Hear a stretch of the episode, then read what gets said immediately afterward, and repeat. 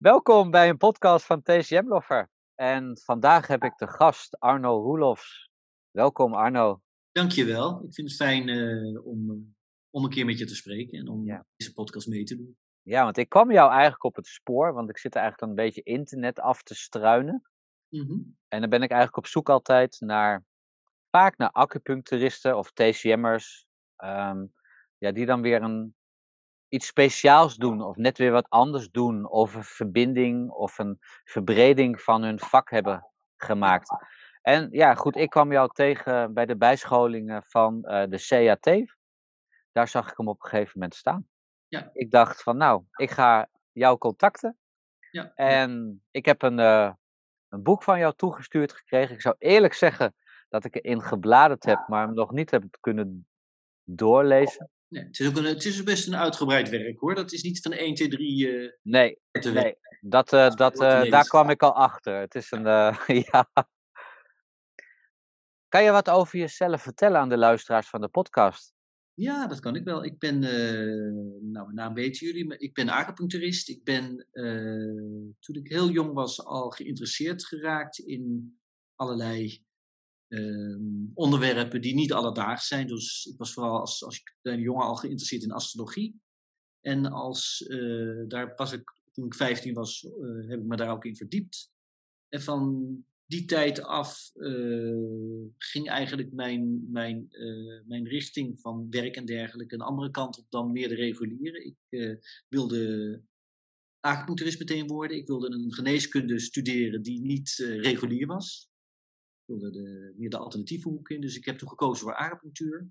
Dat kon niet, eh, want in die tijd moest je nog vooropleiding hebben. Had je nog niet de medisch-westerse cursussen, maar eh, eisten ze dat je een, eisten de opleidingen dat je een medische vooropleiding had. En ik ben toen fysiotherapie gaan doen, met het oog op daarna acupunctuur te doen. Mhm. Ik vertel dat over die astrologie, omdat die astrologie mij ook heeft eh, geïnspireerd via Karen Hamaker, waar ik toen in de tijd eh astrologiecursus deed. En kwam ik via haar in aanraking met Bloem. Het was al eigenlijk op mijn twintigste. En dat is me eigenlijk altijd, die is eigenlijk als een rode draad, is die eh, mee blijven spelen in mijn eh, beroep, ook als acupuncturist. Ja, want je noemt, je noemt Jung, hè? Karel Gustav Jung. Ehm, Wie is dat? Carl Gustav Jung is een psychiater uit het begin van de 20e eeuw.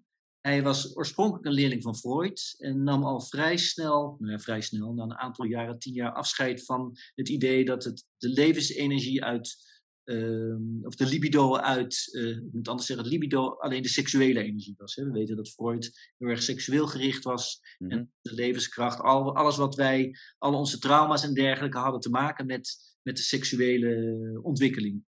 Nou, Jung vond dat te kortzichtig. Hij vond, eh, en, en hij benoemde het libido ook als levensenergie. En wat we nou de chi zouden kunnen noemen. Ik koppel het Ja. boek wat ik geschreven heb, de psychologie van de acupunctuur, ook aan de chi.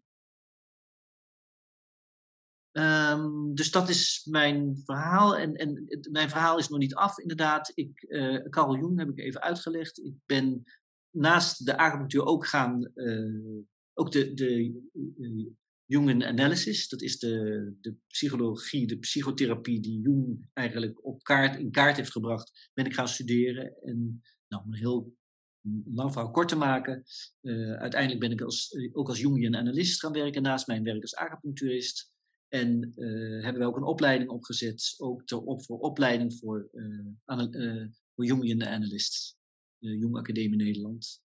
En daarbij heb ik ook een boek geschreven, De Psychologie van de Acupunctuur, die eigenlijk de psychologie beschrijft vanuit de alchemie. Omdat Jung in zijn tijd de alchemie op kaart, in kaart heeft gezet. Hij is eigenlijk de eerste die daar die oude geschriften heeft opgezocht, vertaald heeft uit het Latijn, samen met, met nog wat mede studenten van hem, zou je kunnen zeggen. Maar Ja. Frans speelt er een grote rol in. En eh, hij heeft langzamerhand die alchemie op in kaart gebracht. En dat is heel bijzonder. Maar het bijzondere is ook dat de Chinese filosofie ook vanuit de alchemie werkt. We zijn al, als acupuncturist ben je alchemistisch bezig, omdat je met de yin en de yang bezig bent. En dat zijn eigenlijk het water en het vuur in de mens. En het water en het vuur bestrijden elkaar, maar kunnen elkaar ook, nou ja, dat weten we, hè, kunnen In elkaar balans houden en vormen. Maar je, je noemt nu, eh, sorry dat ik je onderbreek, hè, want je noemt nu een paar keer zeg maar, alchemie. Ik weet eh, van alchemie dat de, ja, ja goed, dat het een soort scheikundigen waren. Die bezig waren om te proberen of ze goud konden maken. Zo is het ooit bij mij terechtgekomen. Maar volgens mij is dat ook wel iets breder perspectief dan dat. Dat is inderdaad het oppervlakkige verhalen.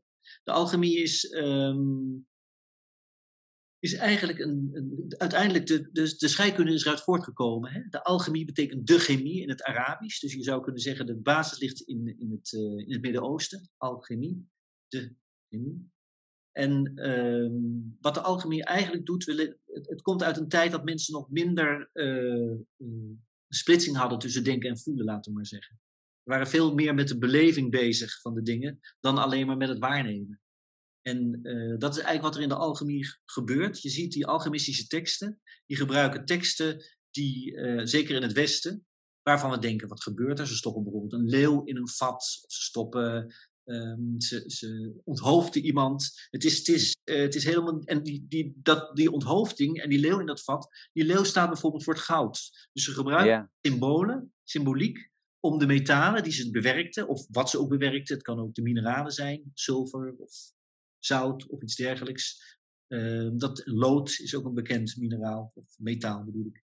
Uh, dat, daar, dat beschreven ze eigenlijk in beelden. En daar, daar fantaseerden ze ook op, daar imagineerden ze ook op. Dus imaginatie, het je voorstellen, we zouden het ook meditatie kunnen noemen, is een heel belangrijk onderdeel in de uh, westerse alchemie, maar ook in de Chinese alchemie. Want de Chinese alchemie is eigenlijk net zo, is net zo gegaan.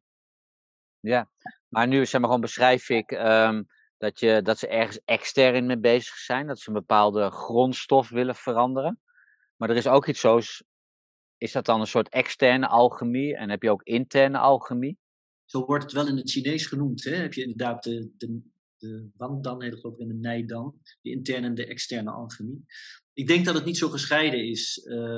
Het, het, het, symbool eigenlijk van, van het lood goud maken. Als je dat psycholoog. Eigenlijk zegt Jung ook, is de alchemie de eerste psychologie geweest. Alleen ze hebben het geprojecteerd, kunnen we zeggen, vertaald, we noemen dat projectie, in de materie. Ja. Datgene wat in hunzelf speelde, hebben ze geprojecteerd in de materie. Datgene wat buiten hun uh, afspeelde, speelde ook in zichzelf af. Dus het lood van lood goud maken hè, betekent eigenlijk het, het donkere stuk, het onbewuste stuk, de schaduw zouden we kunnen zeggen, zo doen dat noemt, datgene wat we niet bewust zijn, bewust maken. Hè. Goud is eigenlijk het, het stuk wat we kunnen zien, wat glinstert. Net als... Mm -hmm. Ja. Ja. ja, dus eigenlijk is het doel om um, de ziekmakende chi bijvoorbeeld, of die intern aanwezig is, om dat weer te laten stromen. Dat dat, weer in balans komt. Even een hele simpel gezegd. Ik weet niet of het meteen een doel was van de alchemisten. Ik denk dat we nee. gewoon op onderzoek waren. Maar je zou dat kunnen vertalen. Hè? Je zou in, het, in het, uh, de Chinese alchemie kunnen vertalen. Het, het, het, lood staat eigenlijk voor het, het, het yin. Als we naar de, nou, ik, ik, ga hier niet in op de trigrammen, want dat is, in de I Ching is dat heel belangrijk. Maar de yin, mm -hmm. eigenlijk voor het donkere, en voor de nacht, voor de maan en voor het water. En de yang staat voor de dag, het licht en de zon. Dus de yin, de nacht staat voor het onbewuste. En de yang staat voor het bewuste. Zo moet je het eigenlijk zien. Die twee mm -hmm. tegengesteld. Dat zijn eigenlijk vuur en water. Vuur en water zijn de actieve principes. Maar je kan eigenlijk zeggen, vuur en water zijn de uitvoerders van de yin en de yang.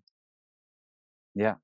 En waar ze mee bezig zijn, is inderdaad te kijken wat hè, je zou kunnen zeggen van wat de Chinezen ook zeggen, in ons, in de yin zit altijd een yang-beeld. Want als je naar de, het yin-yang teken kijkt en we kijken naar uh, de zwarte kant, dan staat er een, een, witte punt in. En die witte punt is eigenlijk, je zou kunnen zeggen, de kracht in het onbewuste.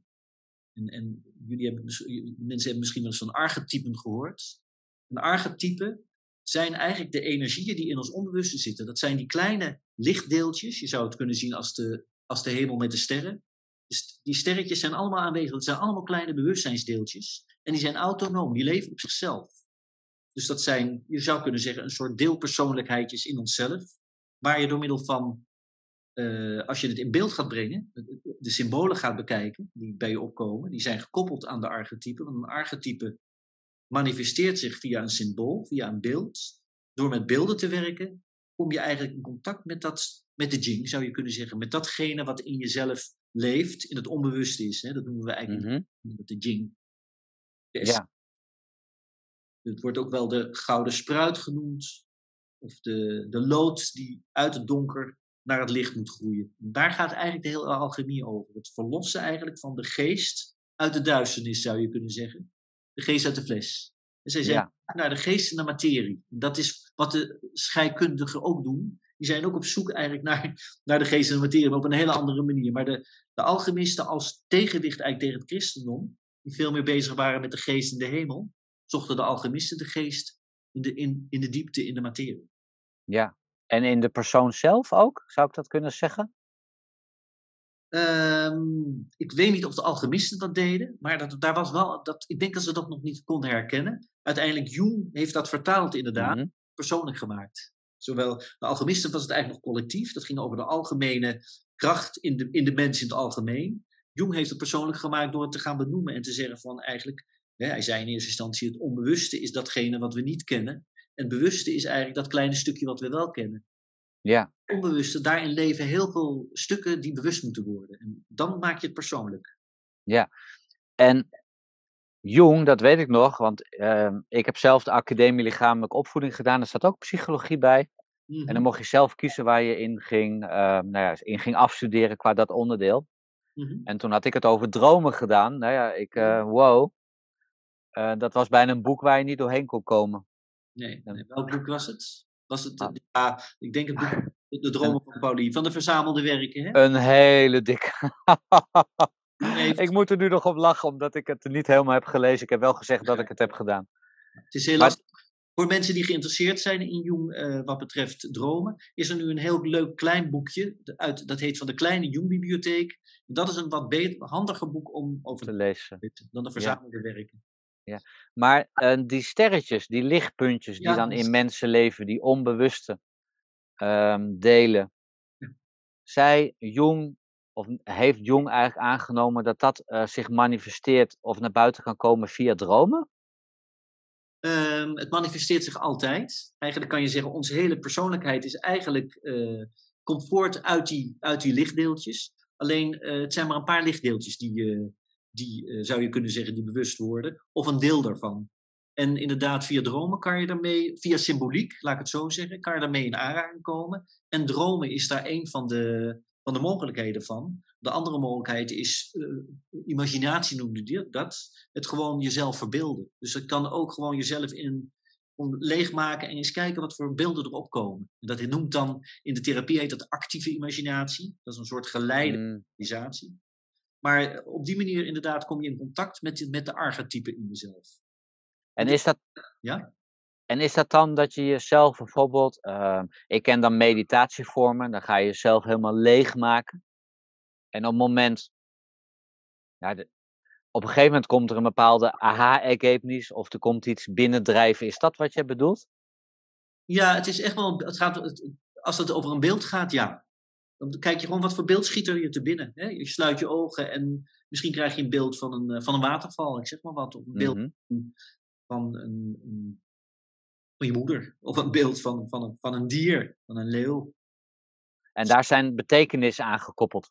Dat, ja, dat, zo zou je het kunnen doen. Maar wat, we, wat wij in de, binnen de, de therapie doen, is niet meteen naar de betekenis gaan. Want de betekenis die je eraan koppelt, dat is meestal via het bewustzijn. En het bewustzijn weet eigenlijk helemaal niet wat er in het onbewuste zich afspeelt. Daar is Nee. een scheiding tussen. Dus om dat bewuster te worden, ga je, kijk je wat voor associaties heb je ermee. Wat voor gevoel komt, roep je dat nog op. Hè? Een, een, een waterval of een leeuw.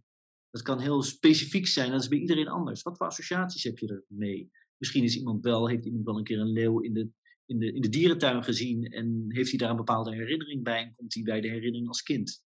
Dus dat kan heel verschillend zijn. Ja, je zou zo kunnen zeggen, als ik dan aan een waterval denk, Ja. dan denk ik aan, eh, aan, aan draaikolken en dat die je naar beneden zuigen en dat je in zuurstofnood komt. Dat is interessant, hè? Ja. Terwijl een ander, ander misschien denkt van ik, eh, ik glij erop weg. En ik word helemaal meegetrokken. De, maar bij jou is dat dus dat het zuigende. Het is wel interessant dat wat jij nu be- beschrijft is eigenlijk het, eh, het trigram van water. In de, in de, in de, in de I Ching heb je, eh, bestaat uit trigrammen. En een trigram van water heeft te maken met vallen, maar ook met wegzuigen, met zinken, het onbewuste ingaan. Dus mhm, waterval eigenlijk de beweging naar beneden. In tegenstelling tot de beweging omhoog, die het vuur heeft. Maar het water heeft echt een dalende, een zware energie. ja. Want wat jij nu hoort, dat heeft voor mij ook wel een beetje raakvlakken met vijf elementen. Of de vijf bewegingen of de Wuxing. Absoluut, ja, absoluut. Dat, daar zit een hele grote connectie tussen. Ja. Ja, dat is natuurlijk toch sowieso in de Chinese geneeskunde dat ja, is eigenlijk bijna gewoon één groot web wat aan elkaar, wat elkaar, ja goed, wat ook aan elkaar vasthangt. Als je kijkt naar de vijf elementen, hè, die zet, zet, ik, zet ik in mijn boek in gewoon in, en dat wordt ook door de Chinezen gedaan, in vier delen. Hè, dat je in vier deel met de vier windrichtingen, met in het midden het aarde-element. Dan zijn water en vuur, water is beneden, hè, dat is echt het onbewust. Mm Vuur is het, is het bewustzijn, dat zei ik net al, hè, dat is de, dag ook. Dan wordt, uh, bij het water wordt de nacht. En bij, uh, bij het hout wordt, uh, hoort het schrijven, de Chinese alchemie schrijft daar de, de draak bij aan. geeft daar de draak bij aan. En bij het metaal geeft Chinese alchemie de witte tijger aan. Ja. Draak is de omhoog stijgende energie, die is op het vuur gericht. Dus dat je zou kunnen zeggen, Jung maakt een onderscheid tussen, hij noemt dat uh, progressieve en regressieve energie. De progressieve-energie is de energie van de psyche die naar het bewustzijn is gericht. De regressieve energie is de energie die naar het onbewuste is gericht. De regressieve energie zien we bijvoorbeeld als we gaan slapen, maar ook als je gaat staren. Of als je even je aandacht afgeleid wordt, even niet geconcentreerd bent, dan ga je naar binnen. En dat is de energie die eigenlijk de beelden oproept. En dat, mm eigenlijk, dat vragen we als therapeut, dat cliënten daar even, eh, contact mee maken. En naartoe gaan, om zich even in die regressieve energie, dat metaalelement, hè, het is leuk om het te koppelen aan de, aan de elementen, metaalelement aandacht te geven. Het metaal is voedt het water, dus die is gericht op het onbewuste. Mm Op die waterval, laten we maar zeggen. Daarom is die waterval een mooi, mooi voorbeeld eigenlijk. Als, uh, als, als, symbool voor in dit geval het waterelement. Datgene wat naar binnen gaat. Oké. Nou ben ik heel benieuwd, hè, want ik, uh, ik duik altijd ook wel graag een beetje de praktijk in. Nou, komt, uh, nou kom ik bij jou, of een meneer die komt bij jou in de praktijk. Uh, hoe gaat dan zo'n diagnose? Ga je dan, leg, je hem, leg je hem dan neer? Of gaat hij in de beroemde sofa? nee, nee, nee, nee. Ja, bedoel je als acupuncturist? Want ik doe dus de acupunctuur en de therapie allebei, maar nooit samen. Dus ik, oh, je, oh, je mengt het niet. Ik dacht, misschien heb je wel een soort. Nee, dat is een reden, want ik vind acupunctuur zo'n sterk middel. Dat, uh, dat vind ik zonde om daar uh, in het bewustzijn gaan zitten rommelen. Want dat gaat onbewust. Dus ik wil ook dat ik laat mensen ook al wat liggen. Uh, 20 minuutjes, 25 minuten. En gewoon eventjes helemaal tot rust komen. Wat ik wel doe, is als, ik merk, als mensen bij mij binnenkomen en ik merk, hè, ik heb een intake in eerste instantie. En ik kijk even naar ze van, hoe is hun energie? hoe, dan, dan voel ik nog niet de pols, hè, maar dat kan ik daarna doen. Maar kijk even van, is het nodig om hier energie op te bouwen of hier, of hier te bewegen? Is er te veel stress of te veel mhm. stagnatie? Dus dat, daar gebruik ik de acupunctuur voor. En dan, als dat niet nodig is, dan gaan we gewoon met de therapie verder. Maar anders gaan ze naar de acupunctuur doen. En dan zeg ik, doe eerst nog een aantal, aantal behandelingen acupunctuur. Bijvoorbeeld als iemand uh, vermoeidheid toont. Bedoel je dat? Dat hij dan eigenlijk. Ligt waar ze weer... komen, hè? Ja, als mensen komen, bijvoorbeeld, meestal komen de mensen natuurlijk ook bij mij omdat er een psychische klacht is. Dus het zou kunnen zijn dat, dat ze komen met, uh, dat ze, uh, met een probleem en daarnaast ook zich moe voelen. Ja. Dat ligt een beetje aan de soort moeheid. Uh, soms verwijs ik ze ook door. Zeg ik, ga eerst bij mijn collega acupunctuur doen. Maar soms zeg ik ook van, dan doe ik het. Ik vind het, het, het dat wisselt. Dat is een beetje afhankelijk van, van de situatie. Mm ja. Dus kan allebei. Maar inderdaad, als mensen heel slecht in energie zitten, moet je niet meteen met bewustwording bezig gaan zijn. Je moet eerst dat lichaam eigenlijk op orde komen. Ja. De Chinezen zeggen ook, je moet eerst het aarde, aarde hè, als je naar de vijf elementen kijkt. Chinezen zeggen, je moet eerst in het Sangfu eerst de aarde-element uh, behandelen, alvorens de andere elementen te behandelen. Je zou kunnen zeggen, het aarde is eigenlijk het fysieke. Ja.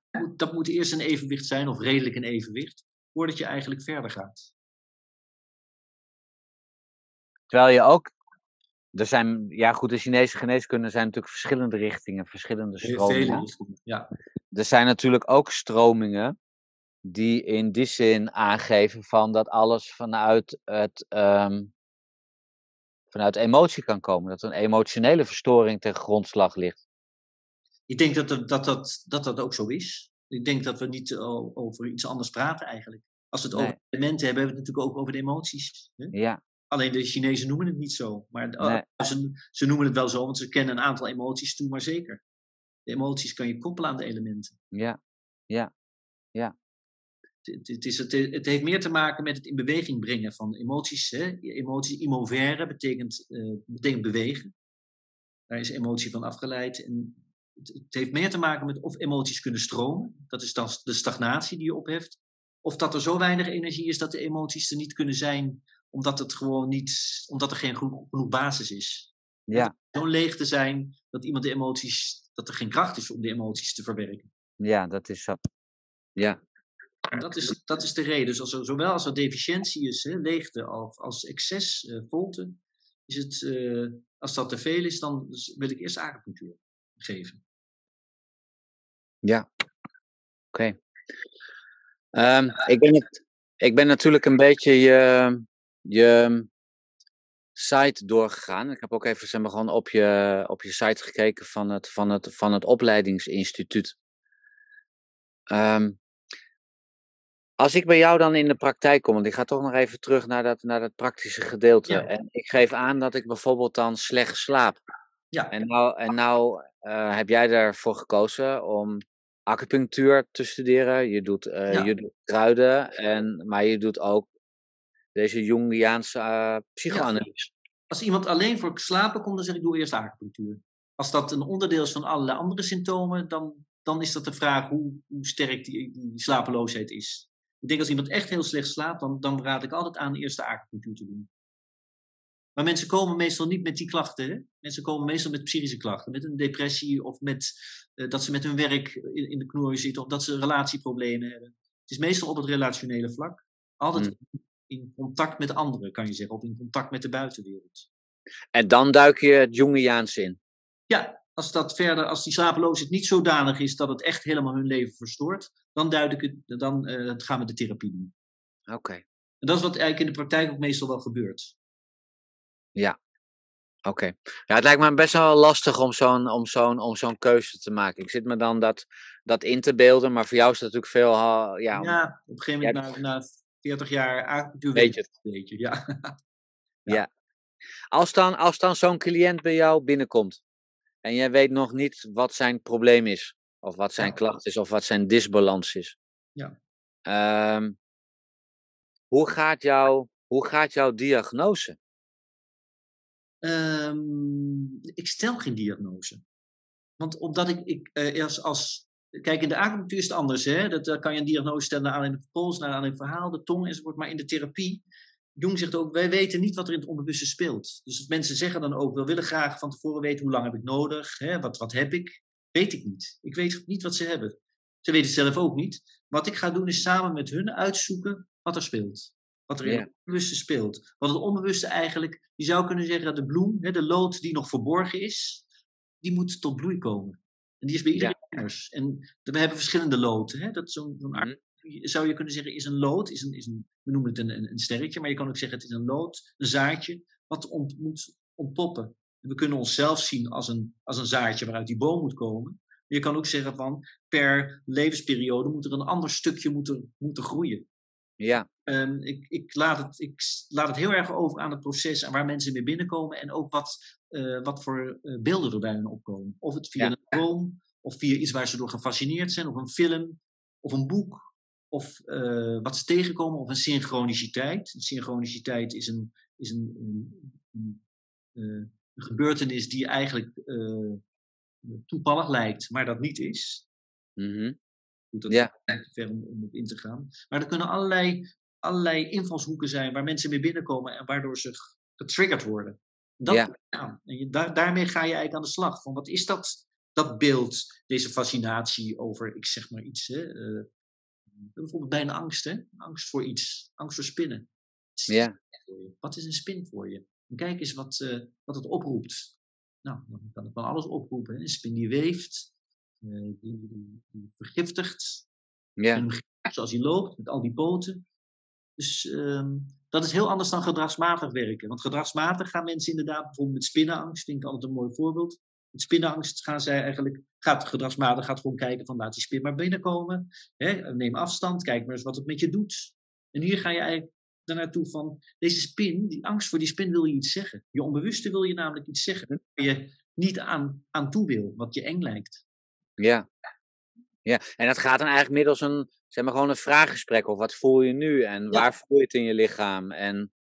Bijvoorbeeld, ja. ja. Je kan ook het lichaam, vaak gebruiken het lichaam erbij. Wat, wat Ja. gebeurt. Ja, en dan, en dan op het antwoord wat de cliënt geeft, daar ga je dan ehm, verder mee associëren, als ik het zo mag noemen. Klopt Nou, dat? dat, dat, dat associëren zij. Ik doe er niks mee eigenlijk. Ja. Nee. Wat ik nog wel doe, is dat heet amplificatie met een, een duur woord. En dat betekent dat ik soms laat zien dat, eh, dat bepaalde beelden die mensen hebben, en dat is heel vaak zo, ook eh, in verhalen voorkomen, of in de alchemie. Of eh, ik had laatst iemand die had het over, eh, over het idee dat er zwart, hij noemde dat zwarte gal in zijn buik zat. Mhm. Zwarte gal is niet een, een term die veel gebruikt wordt, want dat is een hele ouderwetse term. Hij zei, het zei hem niets. Maar in de alchemie gebruiken ze zwarte gal. En zwarte gal wordt echt gebruikt voor, voor depressie en voor onverwerkte emoties. Ja, En dat geef ik terug bijvoorbeeld. Van hé, hey, dit is mooi, want het, in de alchemie komt dit ook voor. Misschien vragen ook wel eens mensen van lees, lees, lees er eens wat over. ja, ja. En als diegene dat dan benoemt, hè, die noemt dat, ik heb dat Ja. is gewoon die zwarte gal, Ja, dan is dat een van die sterretjes die in ons zweven, die dan eh, naar het bewustzijn toekomt en die dan eigenlijk een bepaalde boodschap heeft. Hoe lost dat dan dat probleem op? Dat, die zwarte gal is eigenlijk het, omkapsel van, de, zeg van, het, van het sterretje. Want het is, het is laat maar zeggen, die don, het is een mooi, mooi voorbeeld dit. Dat donker, onze schaduw, zwarte gal staat voor de schaduw, heeft eigenlijk het goud in zich, heeft een talent in zich. En dat is, die, dat, is die, ehm, eh, die, dat archetype. Dat is een kracht. Maar daaromheen zit vaak een heel donker stuk. Ehm, voordat ik op je vragen inga, wil ik daar wel iets over zeggen. Onze ontwikkeling gaat zo dat eh, volgens Jung eh, bouwen wij onze persoonlijkheid op, onze persona, ons masker. Dat is wat we willen laten zien aan de buitenwereld. Eh, als we dat opbouwen, bouwen we tegelijkertijd ook een deel op, een schaduwkant op. Datgene wat er niet mag zijn. Nou, die schaduwkant, dat zit in ons onbewuste. En dat verbergt dus dat lichte stuk. Op het moment dat je je bewuster wordt van, hè, dat, die zwarte gal is natuurlijk een symbool daarvoor. Maar misschien dat je wel kan vragen, het kan zijn dat zo iemand zegt van, die zwarte gal heeft ook te maken met, eh, met zwaarte wat ik voel. Met de plichten die ik moet doen. Op het moment dat je bewust wordt van de zwaartestukken in je leven, wat je zwaar vindt, integreer je eigenlijk dat schaduwdeel in jezelf. Je wordt, het wordt een deel van je. Je wordt je bewust, oké, namelijk als je iets zwaar voelt, komt er een andere kant van, dan moet ik het minder zwaar maken. Hoe je dat dan doet, dat is nog een tweede. Maar de behoefte aan het leven dan minder zwaar te maken, is het vervolg daarvan. Ja, Dat is eigenlijk de weg naar heelheid. Op dat moment ga je voor jezelf zorgen. En komt, zit er dus een kracht in die, in die zwaarte. Want je zou kunnen zeggen, zwaarte is ook rust. Hè? mhm, Het loodselement, eh, dat is zwaar, maar dat brengt je ook op aarde. Ja, dat zien we Ja. daar natuurlijk ook. De, de mineralen van de herbolo- herbologie, mineralen in, in, als de Chinese kruiden, brengen ons, die zijn zwaar en die laten ons aarde. Dus het heeft Ja. een functie. En als die cliënt dan bij jou geweest is en het is hem wat meer, eh, zeg maar gewoon, het is hem bewust te worden of hij kan daar wat over vertellen. Hij ziet ook van het, eh, van het stuk zwaarte, maar dat het ook lichtheid kan brengen. Krijgt hij Mhm. dan tools mee naar huis of een oefening mee naar huis? Of is het zo dat het op een gegeven moment, dat het hem bewust wordt, dat het hem duidelijker wordt en dat er daardoor eigenlijk een proces op gang komt wat vanzelf gaat stromen? de tools die ik meegeef, want tools zijn snel al gedragsmatig, dus daar ben ik altijd heel voorzichtig mee. Hè. Dat, dat is, komt dan, is zijn dan meestal dingen van buitenaf, terwijl ik het zo belangrijk vind dat mensen zelf iets doen.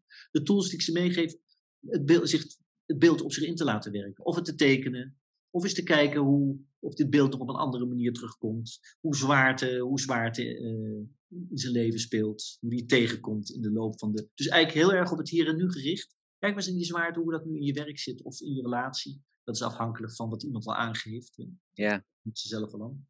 Dus het is niet zozeer dat ik een, een, een, een oefeningetje meegeef, zoals in de fysiotherapie.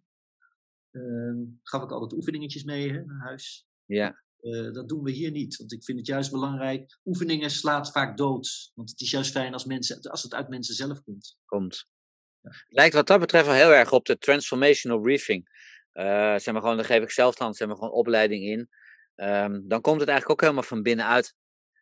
Ik denk dat dat. dat, En dat wat gebeurt, gebeurt. Hè? En, dan, Dus en dan de- ga je daarmee naar huis en dan resoneert dat door. En dan stuurt als het ware het universum boodschappen op je af. Of je komt het tegen ergens en je denkt, hé, hey, nou, dat als is oefenmateriaal Ja, het is hetzelfde. Precies. Ja, ja. Jung was daar eigenlijk de eerste mee. Hè? Heel veel, ik weet niet zeker of, of heel veel uh, uh, stromingen die, die op dezelfde manier werken, of die dat uit, uit, Jung, uh, uit Jungiaanse hebben. Dat hoeft natuurlijk helemaal niet. Nee. Is het wel zo dat, dat, ze echt, dat het vanuit Jung is voortgekomen, maar heel vaak ook niet. En je ziet dat vaak. Het is een, een, een collectief dat heet dan uh, dingen die uit het collectief onbewust. Het is blijkbaar de tijdsgeest dat we op zo'n manier gaan werken. Omdat we zo als tegenhanger tegen dat hoofd wat wil beredeneren en wat oefeningetjes wil doen en wat, uh, wat trucjes wil doen en er snel van af wil zijn.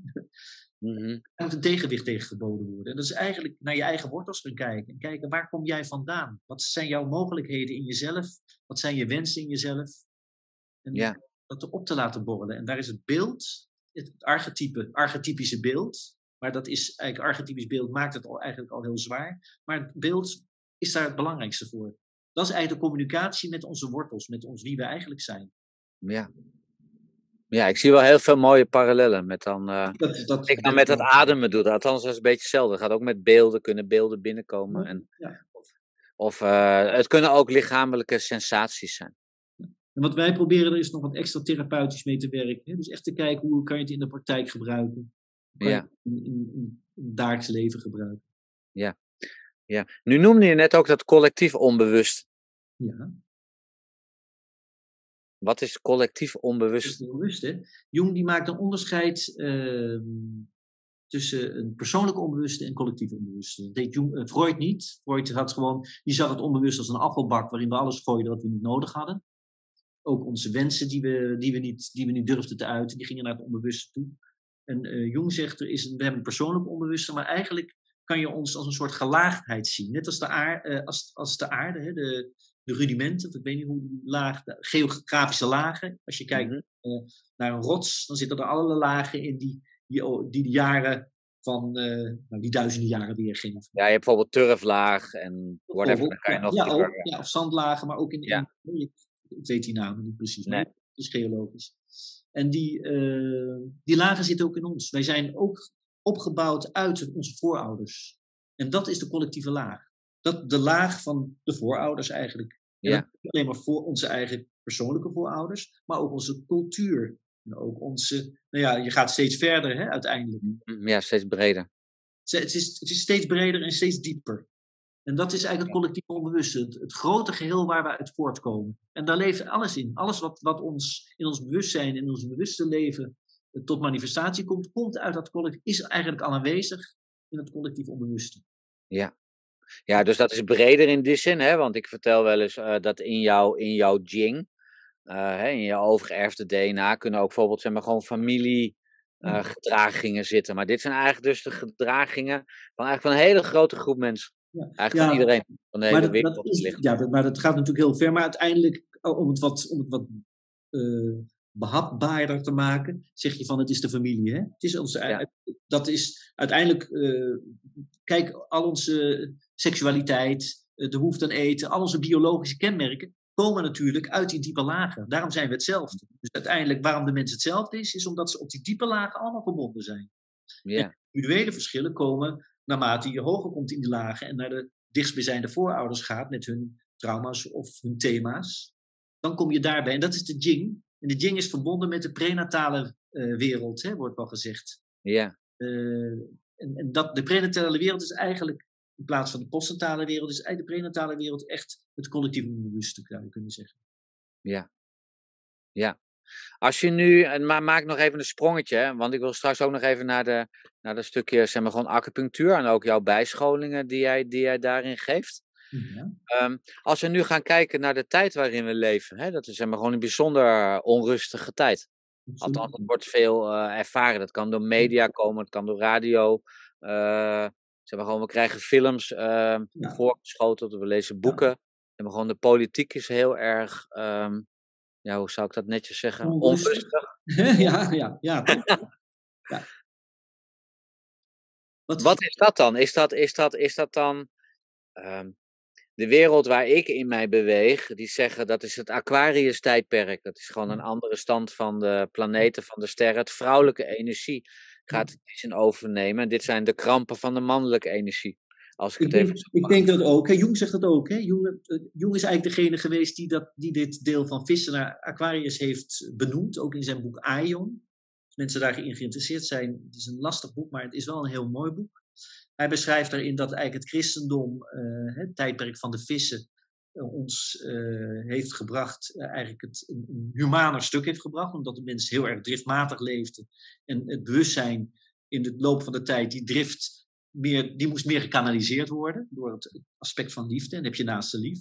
Nou, dat, dat, dat is natuurlijk niet echt gelukt, maar in zoverre dat het niet meer zo beestachtig is op bepaalde stukken in de wereld als dat het vroeger was. Ja, je altijd voorzichtig mee zijn, maar we hebben een bepaalde beschaving. Hè? En daar kan je, je- kan je vraagtekens bij zetten, maar er is een bepaald dun laagje van beschaving dat we weten wat we wel en niet moeten doen. Ook al doen we het niet. En hij zegt, eh, dit tijdperk eh, komt nu ten einde. En eh, hè, dat zeggen de, de astrologen ook. En we gaan nu over naar het Waterman-tijdperk, het tijdperk van Aquarius. En in een eindtijd, een eind van een tijdperk, is er altijd onrust. ja, dat is een periode van 2 tot 300 jaar. Dus dat is niet alleen maar nu, dat speelt al heel lang. We kunnen al zeggen, dat is eigenlijk al begonnen in de, de 19e eeuw. ja, Bij de Waterman hoort ook wetenschap. Het is een mentaal teken. Hè? Het is een, je zou zeggen, het is een waterteken, maar het is een luchtteken. Dus het gaat veel meer over het, het denken. En vooral de Waterman is een uitvinder. Dus alle technieken en dergelijke hoort bij het Waterman-tijdperk. Maar ook het, het, eh, het, eh, de, de groep, de, de, het collectief hoort bij Waterman. Dus het feit dat, er nu het, dat de wereld zo aan op ingeschakeld is door techniek, heeft echt met het Waterman invloed te maken. ja, En die twee botsen met elkaar. Dat vissentijdperk zou je kunnen zeggen en het watermantijdperk, die botsen met elkaar. Het is de, meer de traditionele, conservatieve kant die botst met een, eh, eh, met een, met een nieuwe, nieuwe, progressievere kant.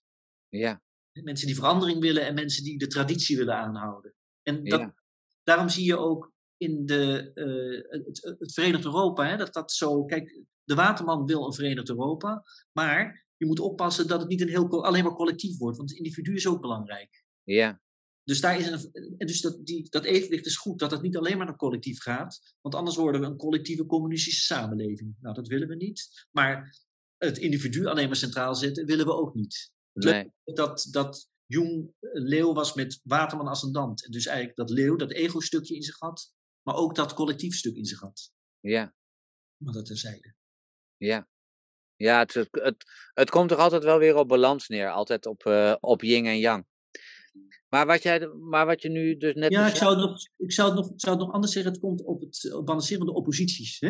Het, het, het, het zijn de tegenstellingen waar we mee, mee rommelen. En het gaat altijd om die middenweg. Dat is hetzelfde, hè, wat jij zegt. balanceren. Ja. Even met een andere, andere bewoording. Ehm, dan ga ik weer even terug naar die sterretjes. Want ik had in het begin had ik zo'n vraag gesteld over interne en externe alchemie. Nu hebben we die interne sterretjes in je hoofd. Dat is een droom, dat is een beeld wat je bewust wordt. Bijvoorbeeld de waterval of de spin, zoals je dat noemde. Deze verschuiving van vissen naar het waterman-tijdperk. Dat zit niet in jou. Dat zijn geen sterretjes in jou. Dat is iets wat buiten jou zit. Ja, Hoe komt het over, over, dat is een ander beeld natuurlijk. Ja, ja. ja, hoe ga je daarmee om? Dat is eigenlijk van hoe werkt astrologie, hè? Ja. Hoe, hoe, waarom, eh, hoe werkt Waarom heeft dat invloed? Waarom heeft dat invloed? op Ja. mij? Nou, ik heb daar wel een theorie over. Ik, ehm, ehm, dat, heeft met, eh, dat is wat Jung synchroniciteit gebeurt, dus, eh, noemt. Een synchroniciteit zijn dingen die gelijk gebeuren. Hè? Hij zegt ook over, de, als je de I Ching gooit, hè, die muntjes, Ja, een orakelboek, en je gooit die muntjes, en die, die muntjes geven dus een bepaald, bepaald hexagram, heet dat dan aan. En doordat dat op dat moment valt, hoort dat hexagram bij jouw vraag. Het is het antwoord op jouw vraag. Dus dat noemt hij synchroniciteit. Dingen die tegelijkertijd gebeuren, die eigenlijk geen kausaal, geen oorzakelijk verband met elkaar hebben. Zo zou je eigenlijk ook eh, kunnen zien, bijvoorbeeld eh, bij zijn, als je in, in, in het voorjaar wordt geboren, dan zou je kunnen zeggen, dan ben je een ram. Ehm, je kan ook zeggen dat je op dat moment eh, de energie van het voorjaar in je opneemt. Omdat dat, hè, dat, zou, dat is één verklaring. Je kan ook zeggen, je wordt geboren omdat je bij die energie hoort. Die vind ik nog waarschijnlijker. Dat is dat dingen gebeuren gelijktijdig die we niet kunnen verklaren, die niet een kausaal verband hebben. Dus een ram wordt in het voorjaar geboren. En het voorjaar is een onstuimig iets. Alles komt tot bloei. Eh, ehm, en, en dat is van Ram geldt dat eigenlijk ook. Die is ook onstuimig, die wil zijn grenzen leren kennen. Die is nog jong, vurig, naïef. Is echt het nieuwe leven. Ja. Wordt. Bij de steenbok bijvoorbeeld in de winter, dat zijn mensen die wat introverter zijn, wat meer naar binnen gekeerd, wat rustiger, wat koeler, hè, wat, uh, wat afstandelijker. Dat hoort eigenlijk bij de kristallisatie van de, van, het sneeuw, van de sneeuw en het ijs en van de rots waar de steenbok op staat. Ja. En ik denk dat, het, dat je het zo, hè, we willen het verklaren dat invloeden van buitenaf. Misschien, hè, want de maan heeft wel degelijk invloed op de aarde en op de mens. Maar uh, ik vind het altijd mooier om het op de manier te verklaren dat het eigenlijk een interne klok is die we volgen. Ja. De klok van dag en nacht. Die, kunnen, die zit ook in ons en die kunnen we verstoren, maar eigenlijk is die, hè, wij weten wanneer het dag is, we voelen wanneer we op moeten staan. Dat komt door, ja. kunnen we zeggen. Maar het is ook een intern ritme wat in ons Ja. zit. En ik geloof dat al die ritmes, het ritme van de maan is natuurlijk heel mooi, zie je bij een vrouw, zie je de menstruatie. Maar ik denk dat het ritme van de zon, het ritme van alle andere planeten ook in ons zit. En die Zit. Ja. hebben ook gespiegeld in de horoscoop. Ja, ja. En als ik dan een sprongetje mag maken, hè, want jij geeft, jij geeft een bijscholing Ja, met acupunctuur en archetypes, ja nou, acupunctuur en alchemie, ik doe verschillende. alchemie. Ja, goed ik, goed, ik dacht dat dat erin zat.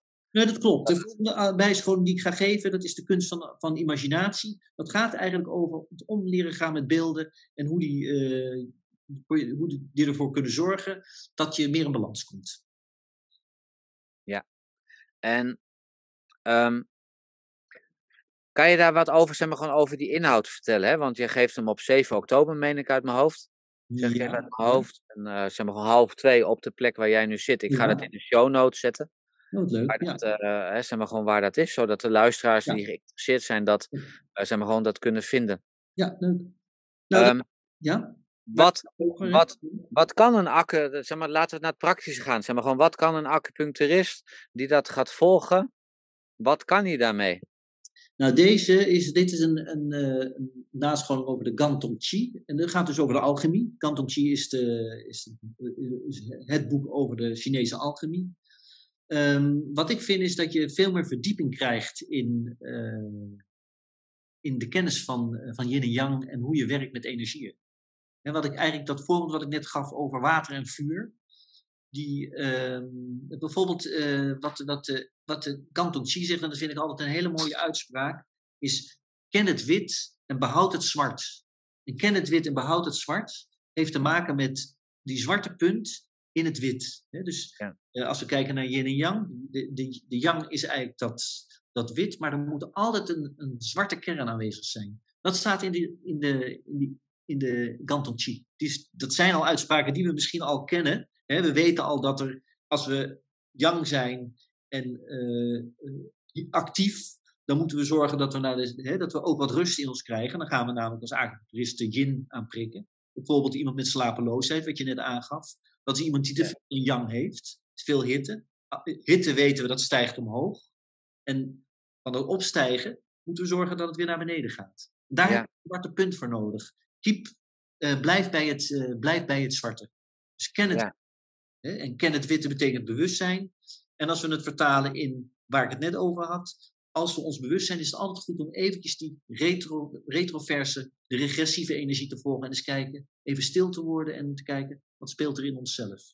Ja, Onderdeel wat je ook in de acupunctuur kan gebruiken. ja, Door, door eh Nierjin of zo neer te zetten, of Renmode 4. ja, ja, ja, ja. Ah, maar ik vind het al sowieso, wat bij mij nu al resoneert, is van ken het, eh, zeg maar gewoon ken het wit en eh, herinner je het zwart. Of eh, zeg maar gewoon dat je dat zwart, ja? Ehm, als wij, als wij hè, we worden grootgebracht in deze opleiding of in de opleiding met Marsosha. En dan zie je zeg maar gewoon yin en yang scheppen elkaar, houden elkaar in balans en dat soort dingen. Wordt vaak in, in een halve les, zeg maar gewoon wordt dat gegeven. Terwijl het eigenlijk je hele basis is en dat alles in die zin yin en yang is. Ehm, dan kan je zo overheen vliegen. Maar dat wat jij nu in die zin zegt, Dat is heel diep? Ehm, betekent eigenlijk ook een beetje weer dat, zwart, dat zwarte gal wat je net noemde. Ja, dat is precies hetzelfde. Ja, Dat het goud als het ware, eh, nou ja, goed dat je ook je andere kant kent, dat je je schaduwzijde kent, is dat mooi, het dat het vuurelement. negatief is Ja. en dat je dat weg moet douwen. Maar dat dat, dat, dat een punt, dat die zwarte gal is wat eigenlijk ook iets te, te zeggen heeft. Ja. En als je dan naar dat zwart gaat, in dat zwart zit weer die witte punt. Dus het is heel Ja. Dus je ziet ook wel eens van, hé, je zou kunnen zeggen, een, witte cirkel, daarin een zwarte cirkel. Daar zit weer een witte punt in en daar Ja. weer een zwart in. Zo zou je eigenlijk yin en yang kunnen zien. Het, Ja. Dit steeds vervat in zichzelf. Ja, en dat je in die zin eigenlijk ook gaat begrijpen als je een bepaalde donkere kant hebt of een donkere emotie. ehm, dat je dan in die zin eigenlijk ook zou kunnen zeggen: het mag er zijn. En dat je dat niet angstvallig Nee, omdat er in wegdrukt, maar dat je eigenlijk zegt: daarin zit namelijk weer die witte stip. Dat is namelijk die angst hè, die bij de nierenergie hoort. We zijn bang Ja. voor, eigenlijk onze eigen kracht. Ja, is een, er is een mooie eh, slogan die ik ook in mijn, in mijn, in mijn boek eh, aanhaal. Over, het, is, een, het is, een, het is een, ja, een kort verhaal wat normaal gesproken aan Nelson Mandela wordt toegeschreven. En eh, dat gaat eigenlijk over dat we bang zijn voor, misschien kennen mensen het wel, ik weet niet precies wie het echt geschreven heeft. Ik kan het even opzoeken als ik het niet vind. Ja, hier bijvoorbeeld Nelson Mandela. Onze grootste angst is niet dat we onvolmaakt zijn, maar onze grootste angst is dat we mateloos krachtig zijn. Ik denk dat Ja. kennen. Het is het licht, niet onze schaduw, die ons het meest beangstigt. We vragen onszelf, wie ben ik om briljant te zijn? Prachtig, talentvol, fantastisch. Maar wie ben jij om dat niet te zijn? Je bent een kind van God. Je onbelangrijk, je onbelangrijk voordoen bewijst, bewijst de wereld geen dienst. Er is niets verlichts aan jezelf klein te maken, dat andere mensen zich bij jou niet onzeker zullen voelen. We zijn allemaal bedoeld om te stralen als kinderen. We zijn geboren om de glorie van God die in ons is te openbaren. Die is niet alleen maar in sommigen van ons, maar die is in iedereen. ja. Dit doet mij meteen weer denken aan een liedje. Volgens mij is dat van eh Karin Drucker. Dat schrijf je D-R-U-C-K-E-R. En die schrijft eh, heel veel liedjes ook voor, eh, voor vrouwen. In ieder geval voor de vrouwelijke energie ook. En dat hij er mag staan en sta rechtop. En daar komt bijna, ja, is bijna, bijna hetzelfde wat jij nu net, eh, wat jij nu net noemt. Nou, Ja, het is natuurlijk een Wat bekend. net maar, gewoon voorleest. Mooie, eh, Het is geschreven voor de, voor de luisteraars, als ze het willen opzoeken, door Marianne Williamson. Marianne Williamson. Ja, wordt, wordt wel gezegd dat het de inauguratiespeech van Nelson Mandela is, maar dat is een, geloof ik een mythe. Dat is niet echt zo. Maar haal het ja. Ja. Maar het klinkt natuurlijk mooier als hij het heeft gezegd. gewoon, dat is jammer. Dat is niet zoveel houden. Dat maakt het in die zin, dat Dat maakt het ook nog belangrijk. Als het gaat over de kracht in de, in de zwarte mens eigenlijk. Dat is ook mooi, hè? Het gaat om de kracht in de donkere mens, in de schaduw. Ja. Ja. ja, schaduw hebben wij natuurlijk iets eh, ontzettend negatiefs van gemaakt. Dus dat is nou misschien ook nog wel interessant van hè, eh, schaduw voor, Jung zegt de schaduw voor de, voor de, voor de witte mens is de zwarte mens, hè, zou je kunnen zeggen. De, hè, dat zegt hij, de, de mens die gekleurd is. En je zou kunnen zeggen, voor de gekleurde mens is het de witte mens. Hè? Dus Ja. daar, het gaat eigenlijk om de tegenstelling.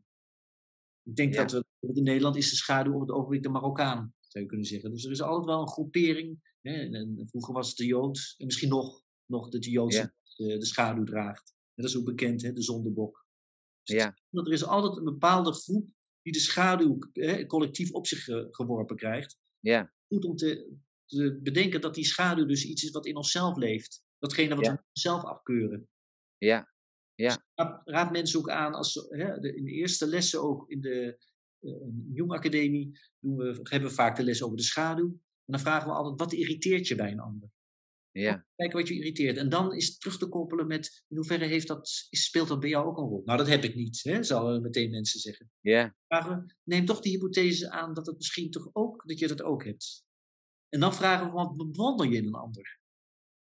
En kijk eens, hoe zou het zijn om dat te hebben? ja, Het is ook, datgene wat je bewondert in een ander is ook deel van de schaduw. Dus het is niet alleen de negatieve connotatie, maar het is ook de positieve. Hè? Die kracht die we in onszelf eigenlijk niet willen erkennen of herkennen. Ja, Ja, waarom? Dus ja, verantwoordelijkheid te nemen voor onszelf. Hè? Om te gaan staan voor onszelf. ja, ja, boeiend is dat. Hè? Dus dat, eh, ja. ja, ik heb altijd eigenlijk al dit, eh, dit soort dingen willen studeren. Ik zit een beetje met de, ja, nou dan moet ik ook even naar mijn donkere kant gaan. met de tijd en dat er zoveel mooie, mooie, mooie dingen zijn. Diepgang, eh, zeg maar gewoon verbindingen en Er is veel, hè? er is heel veel. En, en ik denk dat je op een gegeven moment tevreden moet zijn met, dat, met datgene wat op je weg komt. En waar je in, ja, waar je, je wat je fijn vindt, zoals jij een podcast maakt. Dus Ja. Hè? Ja, ja, ja, ja. Luisteren. Ja, maar voor mij is het met name ook bedoeld om te kijken van, ja, ik weet nog dat ik op de sportacademie zat en een van mijn eh, medestudenten, die werd bakker. En een ander ging doorstuderen voor gynaecoloog, hoe kan je het verzinnen? Een ander ging kinderarts. Ja. Eh, de ander zei van, eh nou goed, ik ga helemaal wat anders doen. Ik ga helemaal niks doen. Ja. Ja, dat, ja, die, ja, ja, die, ja, die bedoelde ik eigenlijk. Maar dat was, maar dat was zo, ja, zeg maar, zo grappig om te zien dat het allemaal, allemaal zeg maar, gewoon in ons leeft. En dat het ook resoneert. En dat het niet een, ja, loop niet het pad van iemand anders, maar kijken wat, wat je zelf Dat is, voelt. wat, dat is wat Jung ook zegt. Hè. Het is interessant. Hij heeft het Rode Boek geschreven. Dat is misschien nog wel leuk om te vertellen. Eh, hij heeft het Rode Boek geschreven nadat hij dus eh, afscheid had genomen. Of eigenlijk eh, een conflict kreeg met, met Freud over, die, over dat begrip libido. Hebben ze elkaar niet meer gesproken en kwam hij alleen te staan. Want hij was heel erg verbonden met het Freudiaanse netwerk. Ja, Toen was hij dus alleen. Hij was ook nog een Zwitser, terwijl de Freudianen zaten in Wenen, in Oostenrijk. En hij raakte in een crisis en eigenlijk in een soort psychose. Hij kreeg rare dromen, hij kreeg visioenen. Hij kende natuurlijk het begrip eh, psychose, want hij kende heel veel psychotici, daar had hij mee gewerkt. Jarenlang in de, in de Bruck kliniek in, in Zwitserland, waar hij toen werkte. En hij had zoiets, wat moet ik hiermee doen? En hij besloot om het gewoon maar op te gaan schrijven. En de, de visioenen maar, en, ze, en de ideeën en de visioenen en de fantasieën maar toe te laten ja, lees actieve imaginatie. Hij ging imagineren en ging het opschrijven. Nou, daar is het Rode Boek uit voortgekomen. Dat is een, inmiddels is dat alweer een eh, aantal jaren uit. In 2009 is dat uitgekomen. En eh, daarin kan je zien dat hij dat heel, het heeft hij helemaal calligrafisch is hij dat, is hij dat uit gaan werken met mooie, mooie afbeeldingen bij. Dus het is eigenlijk een kunstwerk. ja, Wat wij in de opleiding doen is wij lezen, eh, wat we niet de gekalligrafeerde versie, maar eigenlijk de geschreven versie. Die is vertaald in allerlei talen. Tot aan het Chinees aan toe, zag ik. En eh, dat, eh, dat gaan we per hoofdstukje doornemen om eens te kijken wat, wat speelde er nou in de, in de basis bij Jung. Het is leuk om te, want hij, uiteindelijk zijn hele collected works zijn voortgekomen aan wat hij beleefd heeft. Hij zei, dit was mijn meest belangrijkste en moeilijkste experiment wat ik in mijn leven heb meegemaakt. En alles wat ik daarna geschreven heb, komt voort uit deze periode van eigenlijk een jaar eh, van, eh, van de, psychose eigenlijk toelaten. Hij liet de psychose letterlijk toe en heeft hem, hij is er niet aan onderdoor gegaan. Omdat hij, hij zei, ik bleef wel gewoon werken. Ik had een gezin met vijf kinderen. Ehm, ik deed mijn yoga-oefeningen. Dat is ook wel mooi? In die tijd deed hij de yoga-oefeningen. Dus hij probeerde wel met zijn fysiek in contact te blijven. ja. Ja, mooi. Ik heb nog een, eh, laatste, nog een laatste vraag. Yes. En dat was, want jij hebt een praktijk. Je hebt een praktijk in Amsterdam. Ja, de Brouwersgracht. Ja. En die heette Amarelo. ja, heet hij nog steeds, ja. En toen ben ik gaan googlen van de woordbetekenis, maar ik kon hem niet vinden. Kon niet vinden. ik kon niet, ja, althans op Google. Hè. Dat, Het is eigenlijk amarelo. En daarom, je kan niet vinden omdat het een Portugees woord is. Het ah, oké. heel in het Portugees. Amarillo is het in het Spaans. Die- in, eh, Die kon ik wel vinden, Amarillo. Ja, dat het, is, het, is, het is Spa- Portugees. Ik, eh, en jouw vraag is waarom Amarelo, hè? Ja, Misschien, hè? zou ik maar uitleggen. ja, Ja, ik, toen ik deze praktijk in 2009. eh, eh, ik ben toen, toen deze praktijk begonnen. Daarvoor werkte ik als acupuncturist eh, bij een groepspraktijk. Maar ik wilde een praktijk voor mezelf, ook voor de therapie. Toen had ik zoiets, ik wil een, een abstracte naam. En het moest iets met een A zijn, dat wist ik wel. Maar ik wist, dat zat in mijn hoofd. En ik deed in die tijd, ik ben een, een fervente Braziliëganger was ik toen. En ik vond het Braziliaans-Portugees heel, heel fijn. Dus dat was ik ook aan het studeren. En ik vond het woord voor geel, amarelo, zo'n mooi woord. Amarelo. Ja. Amarello. Het, is, het hoort helemaal niet bij geel, dacht ik. Het is een heel ander woord. En tegelijkertijd is geel, weet ik nog, als kind was mijn lievelingskleur. Geel was voor mij een mooie kleur. En toen dacht ik, oh, dat is wel leuk. Dan kan ik alle muren geel maken. Kan ik een geel logo maken. Dan Ja. Dus alles, als je bij mij binnenkomt, het is niet fel geel hoor, maar alles is een gele, geel. ja, ja, ja. Het aarde-element, de basis van dat die eerst. Ja, ik ben ook een, aar, een, aar, een aardevarken in de, in de Chinese. Oh, nou, zeg maar, dan komt dat toch eigenlijk allemaal weer door die actieve imaginatie. Komt toch eigenlijk de kleur geel naar boven drijven en jouw reisjes. Ja, synchron, synchroniciteit. Wat een woord. Dat is een mooie afsluiting overigens. Hè? Dus dit- ja, zeker. Ja. Ja. Ik ehm, dank jou heel hartelijk voor dit, eh, voor dit gesprek. Graag gedaan, Owen. Ik vond het leuk om met je te spreken en erover te Ja. praten. Ik ga het in de show notes neerzetten, waar de mensen je kunnen vinden, waar ze je Ja. praktijk kunnen vinden. Ja, En leuk. ook ehm, ja, jouw opleiding. Ze Ook kunnen me bij. altijd mailen. Ja, op Jong Academie Nederland of eh, op info.amarelo.nl. Op beide eh, ben ik te bereiken. Dus, eh, Ja. En natuurlijk je boek, hè, want dan kunnen ze Mijn ook boek daar. ja, als ze mijn boek willen hebben, dat kunnen ze bij mij. Het is niet meer in de boekhandels te verkrijgen. Is al uitverkocht, maar bij mij kunnen ze het nog wel bestellen. Als ze Ja. psychologie van, de psychologie van acupunctuur intypen, komen ze eigenlijk op mijn site. Ja, nog Mooi. via Bol zijn er enkele duur, maar dat zou ik niet doen, want die zijn tweedehands en die zijn vaak duur aangeboden. Maar goed, kijk maar of er verschillen is. Maar eh, in principe heb Ja. ik het zelf. Ja, ik ga dat in ieder geval in orde maken. Oké. Dankjewel voor je tijd.